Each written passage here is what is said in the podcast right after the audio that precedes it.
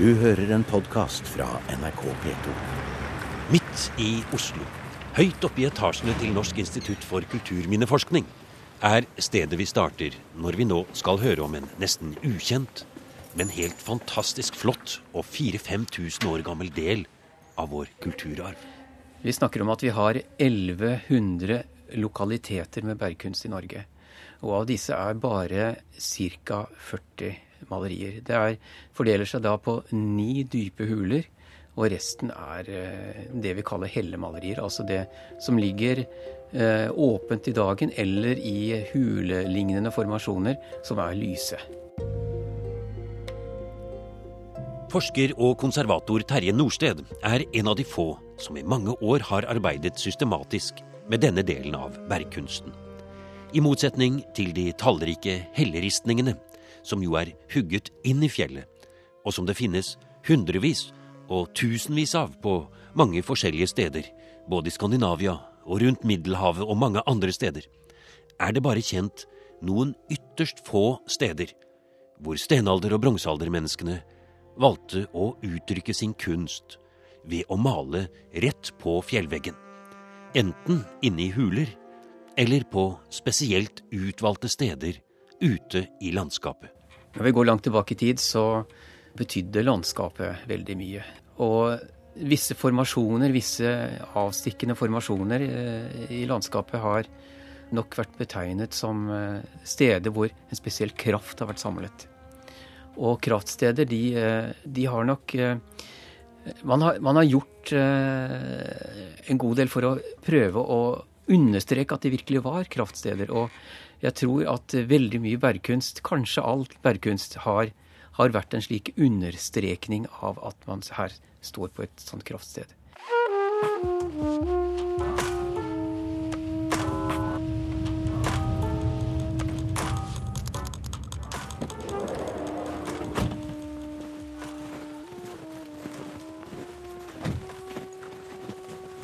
nå står vi eh, ved Tingvollfjorden. Litt stykke sør for Tingvollvågen, som er kommunesenteret vårt. Vi har kjørt en eh, ganske lang og smal og bakkete og isete bygdevei innover her. Sju kilometer. Og heldigvis så kom vi oss fram uten noe uhell med bilen. Og nå eh, er det en usedvanlig vakker dag her, da. Sol og nysnø og stille og fint. Vi har jo spor her som viser at bosetting har det jo vært her, og jakt og fiske har det jo vært her i mange tusen år. Og folk har jo bodd langs fjorden her og livnært seg fra det som både skogen har gitt, og ikke minst det som fjorden har gitt. Og her ser vi det står et skilt. Hellemalinger står det innover her. Det er ikke så mange steder man kan se sånne skilt. Nei, det er ei lita unik perle vi har her på, på Håndhamar. Her er det malte bilder i Berga. Og um, du skal ganske langt av gårde for å finne såpass store ansamlinger. Det er med Odd Arild Bugge fra Tingvoll kommune som kjentmann og arkeolog Øyunn Kleiva fra Møre og Romsdal fylke vi har tatt oss fram til ett av de kraftsteder som Terje Norsted snakket om. For her, langs Tingvollhalvøya, Midt på Nordmøre finner vi et rikt felt av hellemalerier. Du skal ta oss med Bugge innover. Er det langt å gå? Nei, Det er noen hundre meter opp gjennom her. Vi skal fortsette en skogsvei et lite stykke, og så skal vi begynne å klatre litt ned i skogen og litt svaberg og litt is og sånn, så det blir nok en uh, frisk tur. Vi må jobbe litt for å komme hit, altså? Ja, men det er det verdt. Ja, da går vi innover.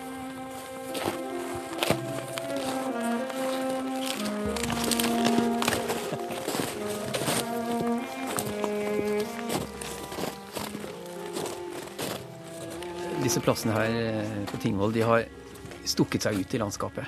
Det har de gjort. Og Tingvoll nok, har nok vært et slikt kraftsted.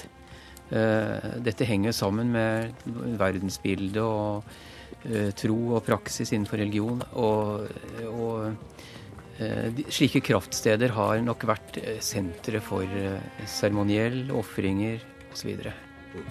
Eh, så skal man eh, først studere denne uttrykksformen, så er vel kanskje Tingvoll et svært godt eksempel? et fantastisk eksempel. Det er, eh, etter min oppfatning så er det kanskje det rikeste hellemaleriområdet som fins i Norge. Mm. Har du sett sånn et flott område, egentlig? Det er jo bare helt utrolig flott. En liten skog som vi går inn i her. Sola, skyggene inn gjennom her. Det er litt sånn tæle i jorda. Ja, det er det. Ganske.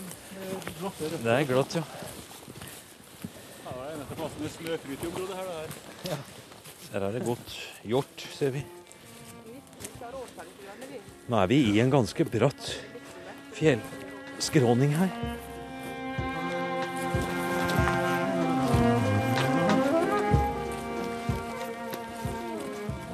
Det som er veldig spesielt ved Tingvoll, er jo at disse figurene er malt med De er malt med en bred pensel, rett og slett. De fleste. Det er et uh, veldig kraftfullt uttrykk. Uh, det med at de også har en nesten altså en tilnærmet naturalistisk størrelse. Det gjør jo at disse svære dyra de, de, gjør et veldig sterkt inntrykk. altså. Er det ofte at man ser at det er på samme sted man har både helleristninger og hellemalerier? Eh, ikke mye. Ikke mye, nei. Vi snakker om to forskjellige typer kunstuttrykk her, da. Rett og slett, ja. ja. Mm. Ja, ja, hvordan tolker du det? Altså, Hvorfor blir det det ene det ene stedet og noe annet et annet sted? Så det er vi ikke så sikre på. Eh, det, det, det, har nok spesielt med landskapets formasjoner å gjøre. Eh, men det kan også være at, at altså Når vi går så langt tilbake i tid, så, så, vet vi jo veldig lite om hva slags grupper mennesker som levde her og der. Og, og det kan ha noe med gruppetilhørighet å gjøre, også dette her. Men det er jo helt umulig for oss å vite nå. Ja, det er litt vanskelig å gå her. Ja, men vi må klatre litt her. Men her har du sett på maken. Vi står under en, et fremspring i, i, i fjellet her nærmest nå. Ja, det er som en liten eh, heller over denne lokaliteten her. Og det er vel det eneste ved denne lokaliteten her som minner om de andre plassene i landet vi finner hellemalinga. Mm. For de ligger jo oftest inn i hullet. Her har du et lite overheng. Og, eh, Akkurat nok til at regnet ikke står ned på det. Og, og litt grann skjermet under. Og så er det en eh, flate på en kanskje eh, to meter på det høyeste, kanskje ned til halvannen meter, og så går det en kanskje seks-syv meter bortover her. Og på den flaten så ser vi det er mønstre. Det er røde mønstre som kommer frem her. Vi ser ei tre-fire figurer, dyrefigurer, ja. som er vendt mot venstre. Um, litt lenger borte her har vi en som snur andre veien. Ja. Og enda bortafor der skal det være et dyr som jeg er litt usikker på om det er et mm. hjortedyr. Det var noen som hadde meint at det kanskje var en bjørn. Labba av og til en annen bjørn over den norske bergkunsthelta. Og så er det også noe som faktisk relativt nylig har blitt erkjent som ristninger. Og det er noen båter som ikke er mala, men som er rissa. Ja. Og de er av en helt annen karakter og en helt annen kultursammenheng enn de bergmaleriene som er Mhm. Og det var en gang en som synte meg et bilde som gjør at jeg nå når jeg er her, ser noe litt annet enn jeg gjorde en annen gang. Ja. Og det er at hvis du begynner å se i, i, i figurformasjonene i berget, ja. Ja. Oh, så kan du i retning oh, som, som se et, et, et dyrehaud i profil, eller en slags tilnærming til det. Og Som da har samme retning som det andre dyrehaudet. Det, det, er komplekst å lese disse bergbildene. Ja, for vi ser Det som kjennetegner figurene her, det er for det første da den røde farven. Som noen steder flyter litt i hverandre, for eh, det har jo stått her i, i noen tusen år. Vi skal komme litt tilbake til dateringen, men vi ser at uh, noen steder så skiller konturene seg helt tydelig ut. Du nevnte dette geviret, det ser vi veldig tydelig. -hmm. Andre hoder ser vi også av dyr som stikker fram. Og så ser vi at det har vært et midtfelt her hvor det kanskje har vært uh, mest farve, i hvert fall. Mm. Men der har vel kanskje selve de, Der er det ikke så lett å skille figurene ut lenger. Jeg tror hvis du står og ser på det der en stund, mm. liksom kan overfladisk sett se ut som en fargeflekk. Så vil du se at eh, selv om det er litt utflytende med fargen, så vil du se at det etter hvert trer fram et mønster. Eh, og det er et slags geometrisk mønster. Eh, og det har faktisk en bortimot symmetrisk innhold, men det er ikke helt. Det er veldig komplekst sammensett og har et litt sånn meanderpreg. Og det er noe som følger med disse her veideristningene og veidemalingene, at en har ganske sånn sammensette, komplekse eh, geometriske mønster som følger med. Mm.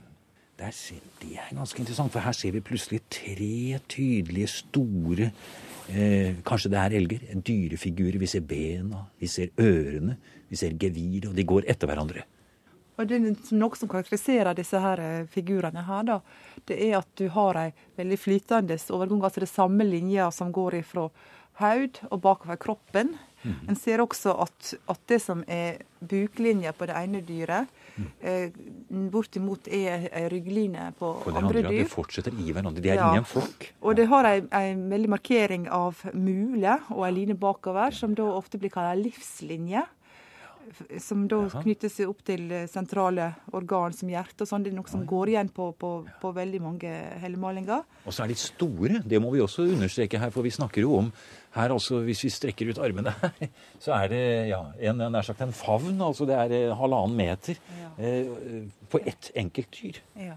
Og det er ganske kraftige ben. hvis vi ser her. Ja, de er måla rundt føttene. Ja, liksom, ja, ja det er kontur, konturmaler. Vi, vi tar ikke på det, men vi ser helt inntil fjellet her nå. Ganske bred Og, og perspektivet i det, det er, det er ganske fascinerende. Og vi, det som er eh, veldig fascinerende, det er å se denne sterke farven som trer fram på fjellet. Samtidig så er det trist å se at en del steder så har det falt ut eh, biter av selve fjellet slik at uh, malingen har blitt uh, borte, da. Så har du kalkutfelling av berget. Ja, det renner nedover, akkurat som en foss med kalk over her. Det er jo, det er jo selvfølgelig synd, men det, det, er jo også en del av det som gir følelsen av å stå og se på det. Som renner her, over fjellet her. Så er det bare små fragmenter igjen av en mule og noen bein. Der ser vi det skaller en god del. Ja. Det er godt av veldig mye. Der ser vi det er sprekker. Og det er vel dessverre sånn at vi kan vel nesten stå her og se nå på en del av de sprekkene at uh, om 10-15 år så er enda mer borte. Hvor fort det går, det skal ikke jeg ha sagt. For det har, noe, det en, en, det har, jo stått oppe mm. veldig lenge. Men det er klart at, at det her med, med, med vann som fryser og tiner, er en, et stort problem akkurat for denne avskallinga. Ellers er det jo solvende, disse her. Sola faller så flott på det nå fra ja. sør. Altså, nå er vi midt på dagen, og sola flommer over her. Det er et utrolig flott uh, syn. altså. Det er det. For saken er den, Buge, at uh, disse malingene utover uh, bergflatene her, de har faktisk en, eh, en, kraft i seg, vil jeg nesten si, ennå. Kanskje nettopp fordi de er så gamle. Men, men det, det, er en helt egen følelse også i dag å stå her og, og se på denne fjellflaten som er dekorert på denne måten. Ja, jeg står faktisk her litt og, og drømmer meg litt bort og tenker det var ikke en noen uker siden så var jeg i Trondheim og så noe av eh, Weidemann sine store, originale arbeider. og sto liksom og kjente litt på livet og meninga og det store ved å se på de bildene. Jeg får litt samme følelsen her. Du, det, det, er ikke så veldig tydelig hva det er for noe. Du kan tolke mye inn i det, og du kan oppleve og tenke videre. og det er en, Jeg kan godt kalle det en kunstopplevelse å stå og se på og føle på det som, som ligger her. Du fortalte meg en historie om hvordan eh, i hvert fall det på folkemunne heter seg at eh, disse hellemalingene første gang ble lagt merke til, eller i hvert fall skrevet om, slik at vi vet at noen har lagt merke til dem? Folk her inne kjente til at det var, var bildet i berget innpå, her inne på Hinna. Og, men den det første skriftlige meldinga om det var vel Gerhard Schøning som kom med. Han eh, skrev, beskrev det da ikke som en maling eller som en ristning, men som dyrebilde, og at det var kvartsårene som hadde, i berget som hadde skapt det naturlig. Han hadde da blitt rodd forbi her i forbindelse med at han var med på en bispevisitas. Ja, når var det? Det var på 17, 1773, skrev han vel ut dette her da som. Da rodde de forbi her nede? Da rodde de her nede, ja. Og ble vel fortalt, da. Ja. Og heller ikke de første som kom etter han igjen, eh, forsto vel at dette her var snakk om forhistorie. Eh, og på den tiden hadde man jo heller ikke begynt å forske skikkelig på på de mye mer kjente helleristningene. Så da hellemalinger, det var vel noe som var da helt uh, ukjent. Det var far out, vet du. Ja. Og, og sjøl uh, for, for, vel 100 år siden så var det jo ganske revolusjonerende å kunne si at her var bildet laga av mennesker. Men hvorfor de ble laget, og hvor de kom fra som laget dem, det vet ingen. Den første lokale forklaringen, som var at det var nederlandske sjøfolk som kom i skutene sine for å hente tømmer, og så benyttet anledningen til å lage litt graffiti på fjellet langsmed fjorden. Den er det i hvert fall ingen som tror på lenger. Og ser vi på høyden over havet og gamle strandlinjer, så varierer hellemaleriene i Tingvoll fra 24 meter over havet til ca. 11 meter over nåværende havnivå. Det gir et tidsspenn på fra ca. 4000-5000 år før Kristus til ca. 1000 år før vår tidsregning. Da kan det gi bedre ledetråder å se på hva maleriene forestiller, og hvordan de er malt. Når det gjelder eh, Tingvoll, så er eh, figurene der de er, Veldig mange av dem er store, har eh, nærmest naturalistiske dimensjoner. Det dreier seg om eh, elger f.eks., og, og ja, hjortedyr da, og, og, fisker. Og, og, eh, det er nok et trekk som går ganske langt tilbake i tid. Jeg vil tro at man skal tilbake til steinalderen. Fordi eh, hvis vi sammenligner med helleristningene, så, så, er, eh, så, er, ofte dette med, med størrelsen på figurene et, et generelt tegn på at man må gå ganske langt tilbake og inn i steinalderen.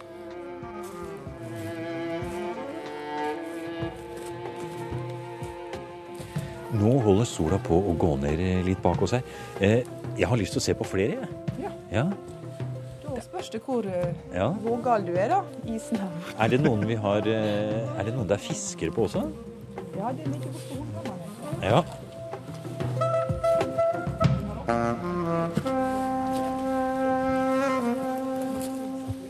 Og det er ganske brått her, ja. Det er en eh, 30 meter rett ned her. Små hyller.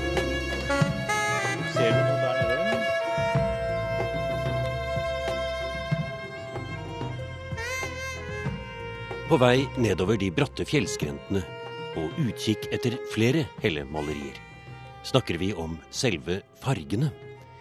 Hvordan kan det ha seg at malingen er så tydelig?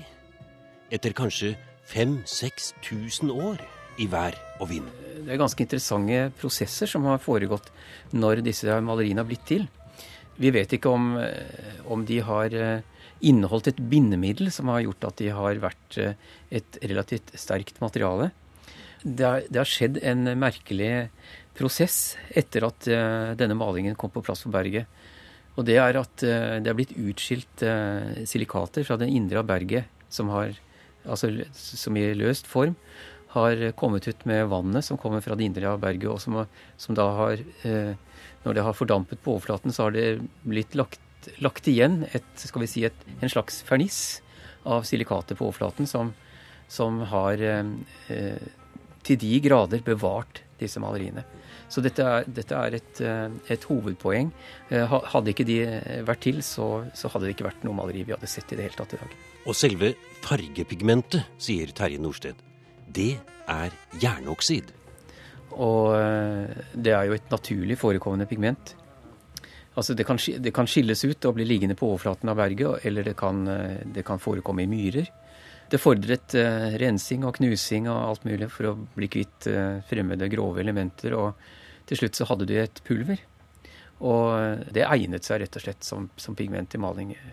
Uh, ellers har det faktisk vært slik at jernoksid har Det er jo kjent som et pigment i hellemalerier, bergmalerier i hele verden. Det ser til og med ut til at det har vært et rent handelsprodukt, for det har vært så så ettertraktet at uh, man, har, man, har, handlet med det. Det har vært handelsveier rundt omkring.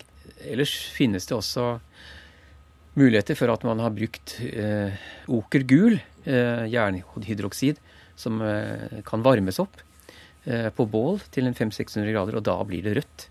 Så da, det er også selvfølgelig brukbart. Og det, jeg vil tro at dette visste man om altså, i Norge her. Vi må gå litt forsiktig her. Jeg vet ikke om vi tør å gå ned der, men Og se her, ja. Her ser vi at det kommer figurer frem og malt på fjellet. Litt mer sånne modernistiske, Ja. symboliske figurer. her ser du en slags Se her, ja. Hvis du tenker deg en, en sekskamp, så tar, du halvparten. ja. Så tar du halvparten av neste. Så ser det ser litt menneskeaktig ut. Litt som hender og det føtter. Men det er jo egentlig ikke noe hode på den kroppen der. Nei. Og det kan også ha en litt sånn mønsteraktig form. da. Her ser du det går opp. Kanskje det er en tilbeder som står litt Øyunn Kleiva og Odd Arild Bugge loser oss gjennom terrenget med fjorden og det vide utsynet vestover. Og rundt oss, overalt, mange små hellemalerier med geometriske figurer, dyr og menneskelignende kropper. Det er som et kunstgalleri som har stått her som en godt bevart hemmelighet i 4000-5000 år. Og kanskje er det bare bra at hellemaleriene har vært så lite kjent. Dette er skjøre fornminner. Forvitringen er tydelig, og risikoen for at slike kulturminner kan bli ødelagt av hærverk, er stor. Berget står her Ja. nesten som et flatbrød. Ja, jeg ser det. Og her ser vi jo også noe veldig trist. Vi ser jo hvordan det, hvordan det ytterste millimeterne av fjellet faktisk da forsvinner og forvitrer. Og Her er det veldig aktiv skade som skjer, og her, her er det slik at eh, hvis en lener seg mot det her nå Ja. For det her er bare, her er bare se, men ikke røre. Og det er Så jo kan en risikere å- at det detter av store biter. Ja. Og det er slike ting som vi ikke syns er helt ansvarlig for ja. store mengder publikum. Det er et eh, sårbart materiale, det er helt riktig. Og vi ser jo eh, der i Tingvoll at det, er, det skjer veldig mye. Det skjer veldig mye nedbrytning der. Eh, Dette er jo selvfølgelig naturprosesser da, som, som det er vanskelig å gjøre noe med. Eh, Noe kan vi kanskje forsøke, men eh, det må gjøres med en stor omhu. Naturen går sin gang, og den er det vanskelig å gjøre noe med. Men det som da er viktig for oss, det er jo å hindre menneskeskapte skader. Dette materialet er jo så sårbart, og, og det skal ikke mye ubetenksomhet til før det skjer noe. Og vi får bare håpe at eh, vandalismen holder seg langt borte. Og kanskje kan man også håpe at hellemaleriene etter hvert får minst like stor oppmerksomhet i forhold til bevaring som de mye mer robuste helleristningene har fått de siste årene. For det ville jo være synd om f.eks. fire fingerstriper i blekrød jernoksid, et 4000 år gammelt fingeravtrykk, forsvinner tilbake inn i historien. Ja, her ser du. Her ser du faktisk. Du ser det herifra. Her er det akkurat som en sånn Noen har tatt handa, dyppa i en slags maling eller sånn, Altså tatt fingrene nedover. Ja, der, der er det fire eller fem streker helt parallelt med hverandre. Ja, tenk hvis vi kan greie å se selve sporene i fingeravtrykket en plass. Ja, men, men, det, men det forklares altså på den måten at det kan være en, en hånd i den malingen som har vært brukt, og som har vært trukket nedover fjellet. Det er klart en vil vel gjerne sette sitt, sine spor. Ja, her er jo et kolossalt hør, høyt, bratt bergparti. Helt vertikalt. Og her er- simmer det da fire lakser bortetter. Men, men de er jo så store. Vi må gå et, Ja, litt ja, er- nærmere. Det er eh, Vi snakker om eh, ja, vi snakker om en meter på hver eneste fisk. Kanskje større enn en meter òg. Her er hver enkelt fisk helt tydelig avgrenset. Store fisker som står alene, og så er det ikke noe mer enn det der. Så ser du kanskje et fellestrekk med disse andre eh, som vi så på. Det er at de fleste har Altså her er alle i samme retning. Ja. Og det så vi også borte på, på de andre lokalitetene våre, at der er flere, samle, flere dyr samla, så har det en tendens til at det er liksom en hovedretning. Her eh, er vender nasen, retningen som mot, det sør. Ja, ja, ja. Eller sørøst. Ja. De går mot hverandre, faktisk. Faktisk så går de mot hverandre.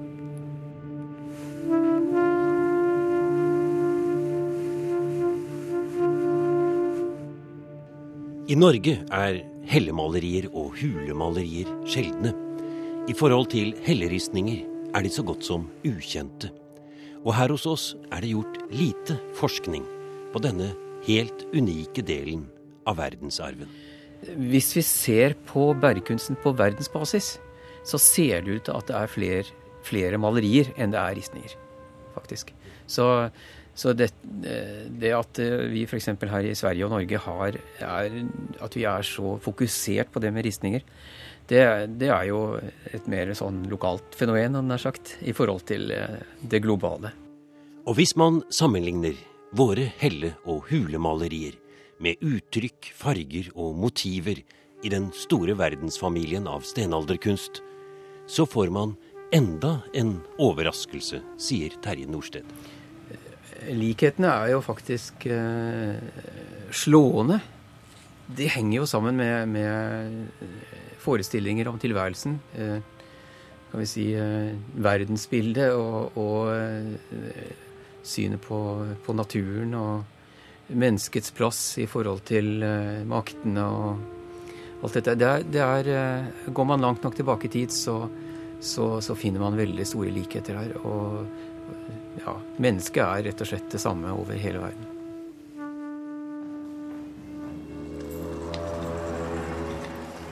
Du har nå hørt programmet Museum som podkast fra NRK. Museum sendes i NRK P2 på lørdager og søndager.